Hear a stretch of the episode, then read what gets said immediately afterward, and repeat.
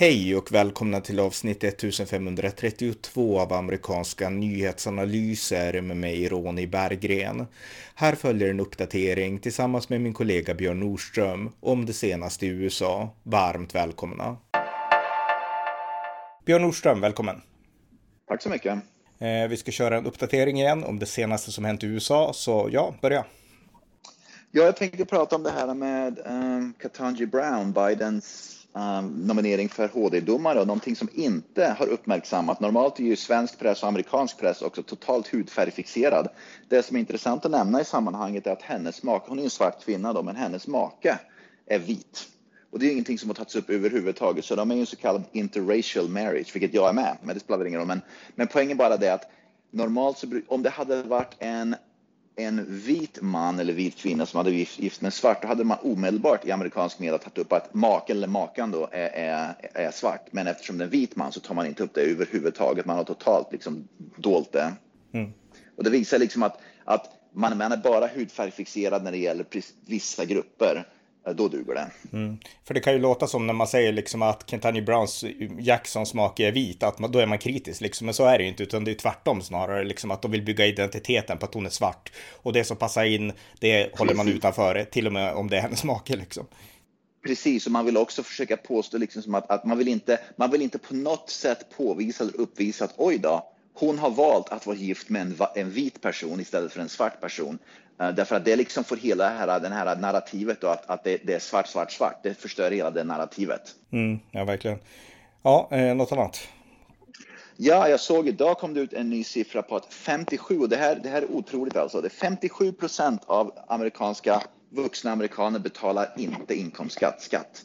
Det är oerhört, så minoriteten av amerikaner betalar skatt. Så nu när Biden då ska storsatsa på alla de här stora programmen, det ska pumpas in pengar kors och tvärs överallt. Och han pratar om att man ska beskatta de rika, va? vilket aldrig räcker till för att liksom täcka alla kostnader som Biden eller staten eller vänsterliberalerna vill hålla på med. Det de glömmer bort är att majoriteten av amerikaner inte betalar skatt. Det måste man ju också börja i så fall se över. Att, att varför betalar de flesta amerikaner, majoriteten, inte skatt? Och hur ska vi kunna börja beskatta dem i så fall? Ja. Jag, menar, jag betalar ju skatt och de jag känner betalar skatt, men, men uppenbarligen så 57 procent betalar inte skatt. Det är en oerhört hög siffra. Jag vet inte hur hög den siffran i Sverige var, men, men den är oerhört hög i alla fall. Det var, för bara några år sedan så var den 40, eh, 44 procent. Eh, alldeles innan pandemin var den 44 procent. Nu har den gått upp från 44 till 57 procent och då skyller man på pandemin. Men arbetsmarknaden nu i USA är glödhet. Det finns noll ursäkt för att inte jobba och betala skatt. Noll mm. ursäkt. Så den har ökat, över de två, tre senaste åren så har det ökat från 44 procent till 57, 13 procentenheter. Och att skylla det på pandemin nu, det, det, det, är liksom bara en taskig ursäkt. Jag tror att väldigt många nu har liksom fallit in i de här vänsterliberala delstaterna när man blev man hamnar i pandemin, man blir arbetslös, man får bidrag och man börjar leva gött. Man sitter i social media, man vill inte gå, börja, man vill inte gå tillbaka till jobbet helt enkelt, även om det finns jobb. Så att det är det det handlar om, alltså då betalar ingen inkomstskatt för att de inte har en inkomst helt enkelt? Förmodligen är det så. Ja, ja, det är det enda jag kan tänka mig därför att jag har svårt. Eller inkomsten är för låg. Det är ju en sak om inkomsten är för låg, men många har inte en inkomst. Man är helt enkelt inte. Man är inte på arbetsmarknaden helt enkelt av valfria skäl. Många av de republikanska delstaterna, vi har ju pratat om det här, de, de tog ju bort de där äh, pandemiprogrammen för, för ett halvår sedan eller så där, där de sa att nu finns det jobb, nu börjar vi gå tillbaka till normal, normalförhållanden igen, så nu är, det, nu är det inga bidrag som länge, gäller längre. Men vänsterliberala delstater, New York, Vermont, Kalifornien och så vidare, och så vidare va? de har ju fortfarande kvar sina bidrag, så man behöver inte gå tillbaka till jobben helt enkelt. Utan det, och det förstår jag också att det, det är skönt att leva på de där bidragen och sitta hemma och flumma istället och titta på Netflix och, och hålla på i social media. Mm, ja, visst. Eh, jag fick en, ett mejl av en av våra lyssnare. Vi brukar ju prata ofta om Lia Thomas, den här uh, transgender-killen som har nu sabbat damidrotten. Det kanske inte är hans eget personliga fel, men de som driver den här policyn, det är definitivt deras fel. Och uh, då fick jag ett mejl uh, av en person som lyssnar som sa att det här är en konsekvens av Bidens executive order, executive order eh, 1300, eh, vad blir det här nu? 13988 säger jag bara för att få det enkelt. och det här var alltså en, en executive order som Biden skrev första dagen, 20 januari 2021 ja. när han tillträdde som handlar om att liksom stoppa diskriminering baserat på kön och identitet och sexuell orientering. Och eh, jag har inte kollat upp det här, men, men det kan mycket väl vara så att eh, det här med idrotten började liksom då, att det var då liksom transgenders kunde bara vara med, var, vara med i damidrott och liknande. Inte omöjligt. Jag tror att delstater, förut så var det så innan det kom, för att det var, det var delstater kunde göra som de ville. Det fanns inga riktiga regler med sånt där förut, utan det, det var lite grann som det här med, som Obama har gjort, att, att samkönade äktenskap, äktenskap blev lagligt federalt för ett antal år sedan. Men delstat, vissa delstater hade fortfarande, så vissa delstater tillät det, men det var liksom ingenting som var egentligen i hetluften och det var, det var vad ska man säga, allmänt accepterat att, att biologiska kvinnor tävlar med biologiska kvinnor. Så jag, jag tror snarare, men det stämmer ju absolut. Så när väl Biden skrev den grejen så tror jag många män, biologiska män, kom på tanken att aha, nu kan jag verkligen hoppa på damidrotten. Mm. Det jag inte förut kunde ha gjort det. Och det, liksom, det, det blev, blev, blev poppis på något vis. Det blev inne, det blev en trend på något sätt att, att liksom blev en transgender och hoppa på damidrott lite grann. Så att jag tror att han, det, det var signalpolitik, var oerhört kraftig signalpolitik som han sände ut genom att skriva den orden. Mm. Och jag tänkte nämna två saker kring den där, kring Lea Thomas nummer ett. Det var en bild som tv-kanalen NBC la ut för några dagar sedan av Lia Thomas och de hade gjort riktigt sån här airbrush med photoshopping för att, för att få se Lia Thomas att se mer kvinnlig ut. Det är fruktansvärt alltså. De tog Lia Thomas, airbrushed eh, kallas det för och liksom photoshopped och fick henne att se mer feminin ut. Alltså det är helt fruktansvärt. De försöker göra om henne digitalt nu till att se mer kvinnlig ut helt enkelt. Va? Att, att media håller på med sånt, det, det är liksom, jag, jag förvånas ju inte skvatt, va? men det, det, är fruktansvärt att media håller på sånt där, med sånt där alltså. Ja, nej, de, de, köper, de legitimerar den här liksom köns, ja, alltså det, hela det här att förstöra damidrotten. Det är det de gör. Ja, mm. så uh, ja visst. Uh, jag tänkte också bara på tal om, um, uh, på tal om det här saker som är hetluften nu. Elon Musk blir allt mer involverad i debatterna här i USA, så jag tänkte bara nämna att han nu har gått ut och sagt att han kritiserar Twitter en hel del. Och han har gått ut och sagt att det är dags nu att, jag tror att Elon Musk, han, jag, det här att den här plattformen Truth Social som Trump skulle lansera, det är ju en total flopp. Jag, jag försökte gå in för den för en månad sedan. Jag har fortfarande inget konto, men jag har anmält den för ett konto, så det verkar vara en total flopp.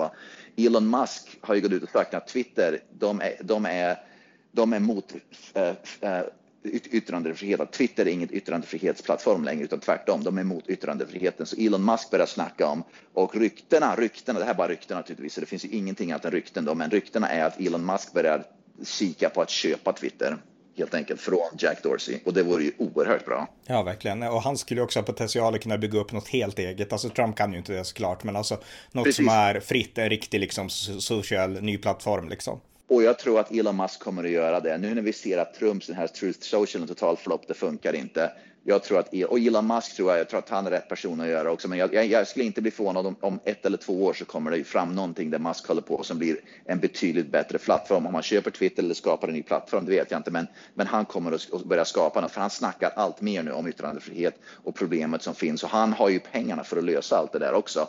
Och, och eh, jag tror han har viljan med för att han har verkligen tagit den striden nu. Mm. Ja men det är intressant att han har gått in exakt i liksom den, alltså åt det hållet. Det, det är jättebra att de här entreprenörskändisarna gör det för att det, det finns för få och de flesta står ju på woke-sidan tyvärr. Precis. Ja. ja. Ja, något annat? Ja, uh, Joe Biden, jag vet inte om han sköt sig själv i foten eller vad han säger.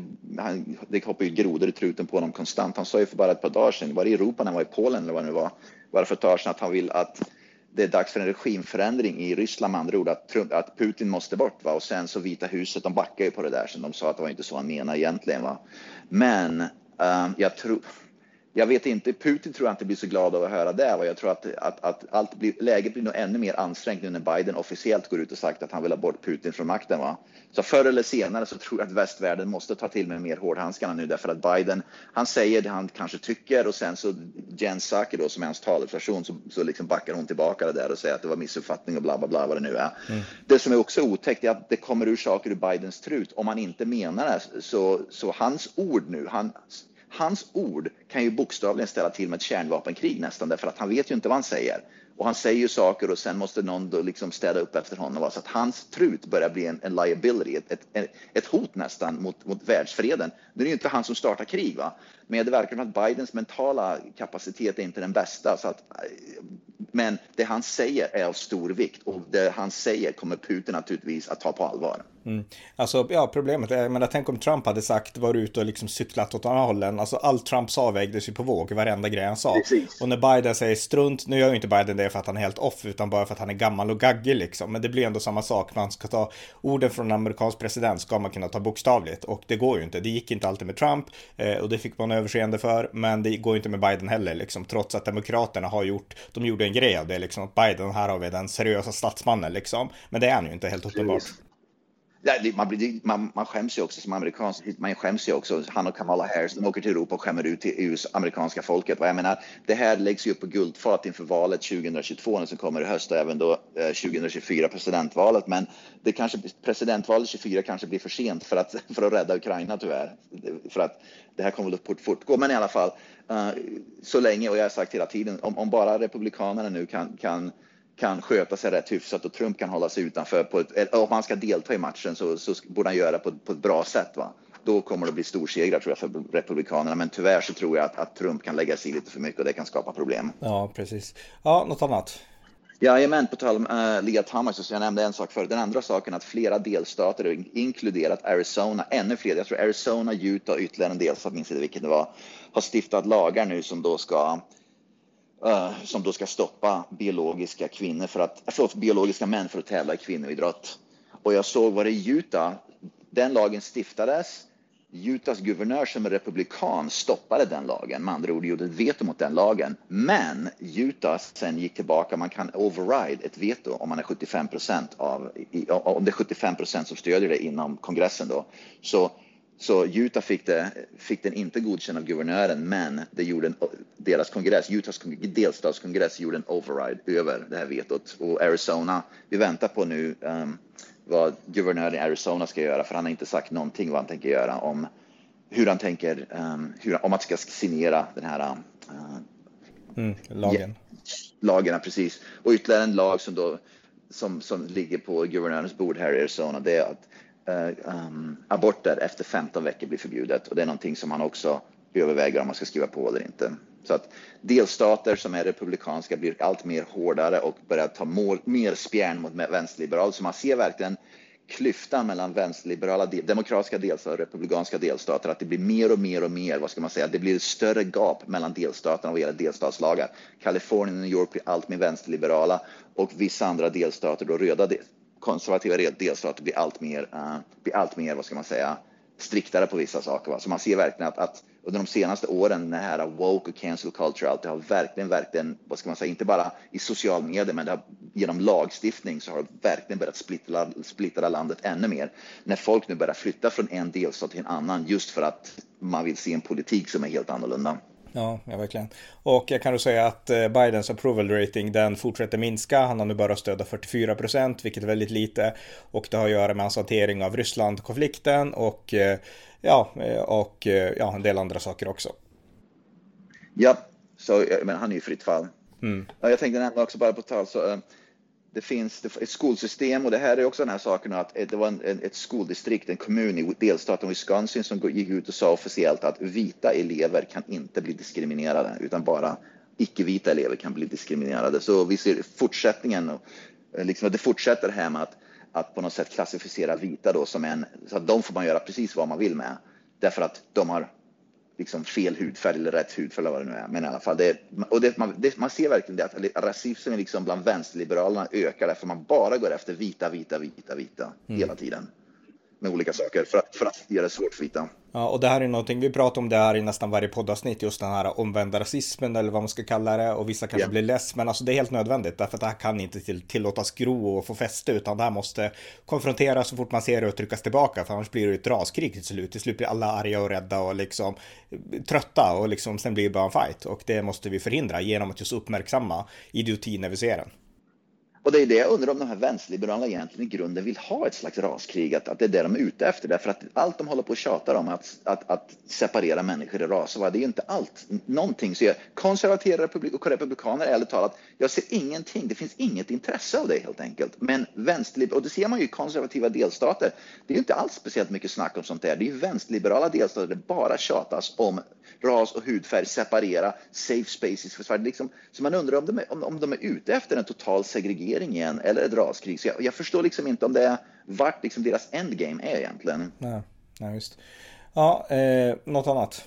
Ja, Joe Manchin kommer att stödja Ketanji Brown Jackson som HD-nominerad. Han gick ut och sa det. Joe Manchin då som är West, West Virginias eh, senator. Han är de demokrat, men han är ofta röstar med Republikanerna. Han kommer att stödja henne, så det var en väldigt viktig röst för Demokraterna. En röst är som, som, som också ingen vet var den kommer att hamna nu. Det är ju um, Kirsten Sinema, Arizonas demokratiska senator hon, hon sitter på, vad säger man då, gärdsgården ungefär just nu, så ingen vet om hon kommer att rösta för eller emot. Och eftersom det är 50-50 i senaten så kommer en eller två röster att bli oerhört avgörande för hur det kommer att gå vidare. Mitch McConnell som då var, han var för, um, han är dem, uh, republikan, förlåt, republikan då. Han var för uh, republikanska, vad heter det, majoritetsledaren när han för ett par år sedan. Han i alla fall har gått ut och sagt att han ska rösta emot. Så de flesta republikaner kommer sannolikt att rösta emot. Mm, just det. Eh, en annan sak jag kan nämna det är att det pågår enorma skogsbränder i Colorado. Och nu ska man en vecka göra 20 000 där. Har du sett något om det på liksom, nyheter och så?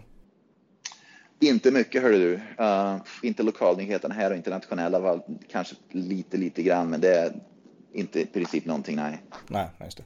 Ja, okej, okay, något annat? Ja, Donald Trump ska nu officiellt formellt stämma Hillary Clinton och Democratic National Committee, DNC, över Russia collusion det som då han blev anklagad för 2016 innan, innan det valet. Så att nu i alla fall den stämningen ska hamna i domstol. Så det ska bli intressant att se det i slutändan. Ja, verkligen. Även om han vann valet 2016 så, så vill han väl, men det är väl att han vill, han vill väl tampas med, med Hillary Clinton, det förstår jag också. Så alltså, det ska vara i alla fall kul att se hur det kommer att hanteras i, i, i domstol i alla fall. Mm, ja, verkligen. Och skulle han vinna, jag menar, det kommer ge honom mycket mer legitimitet om han nu själv vill göra en comeback 2024. Så att, eh, ja. Ja, absolut. Ja, eh, ja något mer? Uh, jajamän. Um, när Donald Trump var president så tillsatte han en person, eh, han före detta superstjärna i NFL, amerikansk fotboll, som heter Herschel Walker. Och även en väldigt känd tv-person som jobbar med Oprah Winfrey, han heter Mehmed Oz. Båda de är republikaner, båda de är nu eh, republikanska kandidater. Mehmed Oz i Pennsylvania, tror jag, Herschel Walker i Georgia för senatposter. I alla fall för primärvalen nu där. Mm. Och han tillsatte dem för att delta i, i Donald Trumps, det var någon slags sportkommitté ungefär där man skulle då, och, och Herschel Walker är svart och Mehmed Asan är väldigt, väldigt känd. I alla fall, Joe Biden har, har i alla fall nu beslutat, då Joe Biden som då skulle vara tolerant mot alla, vad det nu var, han har beslutat för att kasta ut de två för han accepterar inte att det ska vara två republikaner som sitter i hans eh, um, i, i en kommitté och håller på och, och, ska hjälpa till med amerikansk idrott. Så att de blir i alla fall utslängda nu. Just det. Mm.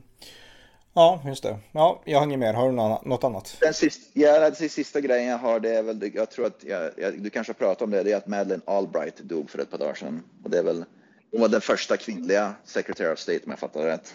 Ja, precis. Eh, jag har inte nämnt det i podden, men jag skrev på Facebook. För det hände direkt efter att vi gjorde, gjorde vår förra podd. Så att, men det stämmer, hon är avliden. Och eh, ja, hon var väldigt Trump-kritisk, men hon gjorde, hon gjorde bra utrikespolitiska analyser av, inte av allt, men av väldigt många saker. Och eh, inte minst av Ryssland, så var hon klarsynt. Så att, eh, tråkigt. Ja, ja, mm, ja men okej, okay, tack. Okej, okay, tack så mycket. Tack för att ni har lyssnat på avsnitt 1532 av amerikanska nyhetsanalyser. Just nu pågår Putins fruktansvärda invasionskrig av Ukraina. Det är det värsta kriget i Europa sedan andra världskriget. Jag vill uppmana er som jag kan nå ut till att skicka en slant till valfri organisation som just ni har förtroende för, som bistår det ukrainska folket. Genom att göra det bidrar ni också till den kollektiva europeiska solidaritet som i sig är ett skydd, inte bara för Ukraina, utan för hela Europa. Återigen, tack för att ni har lyssnat.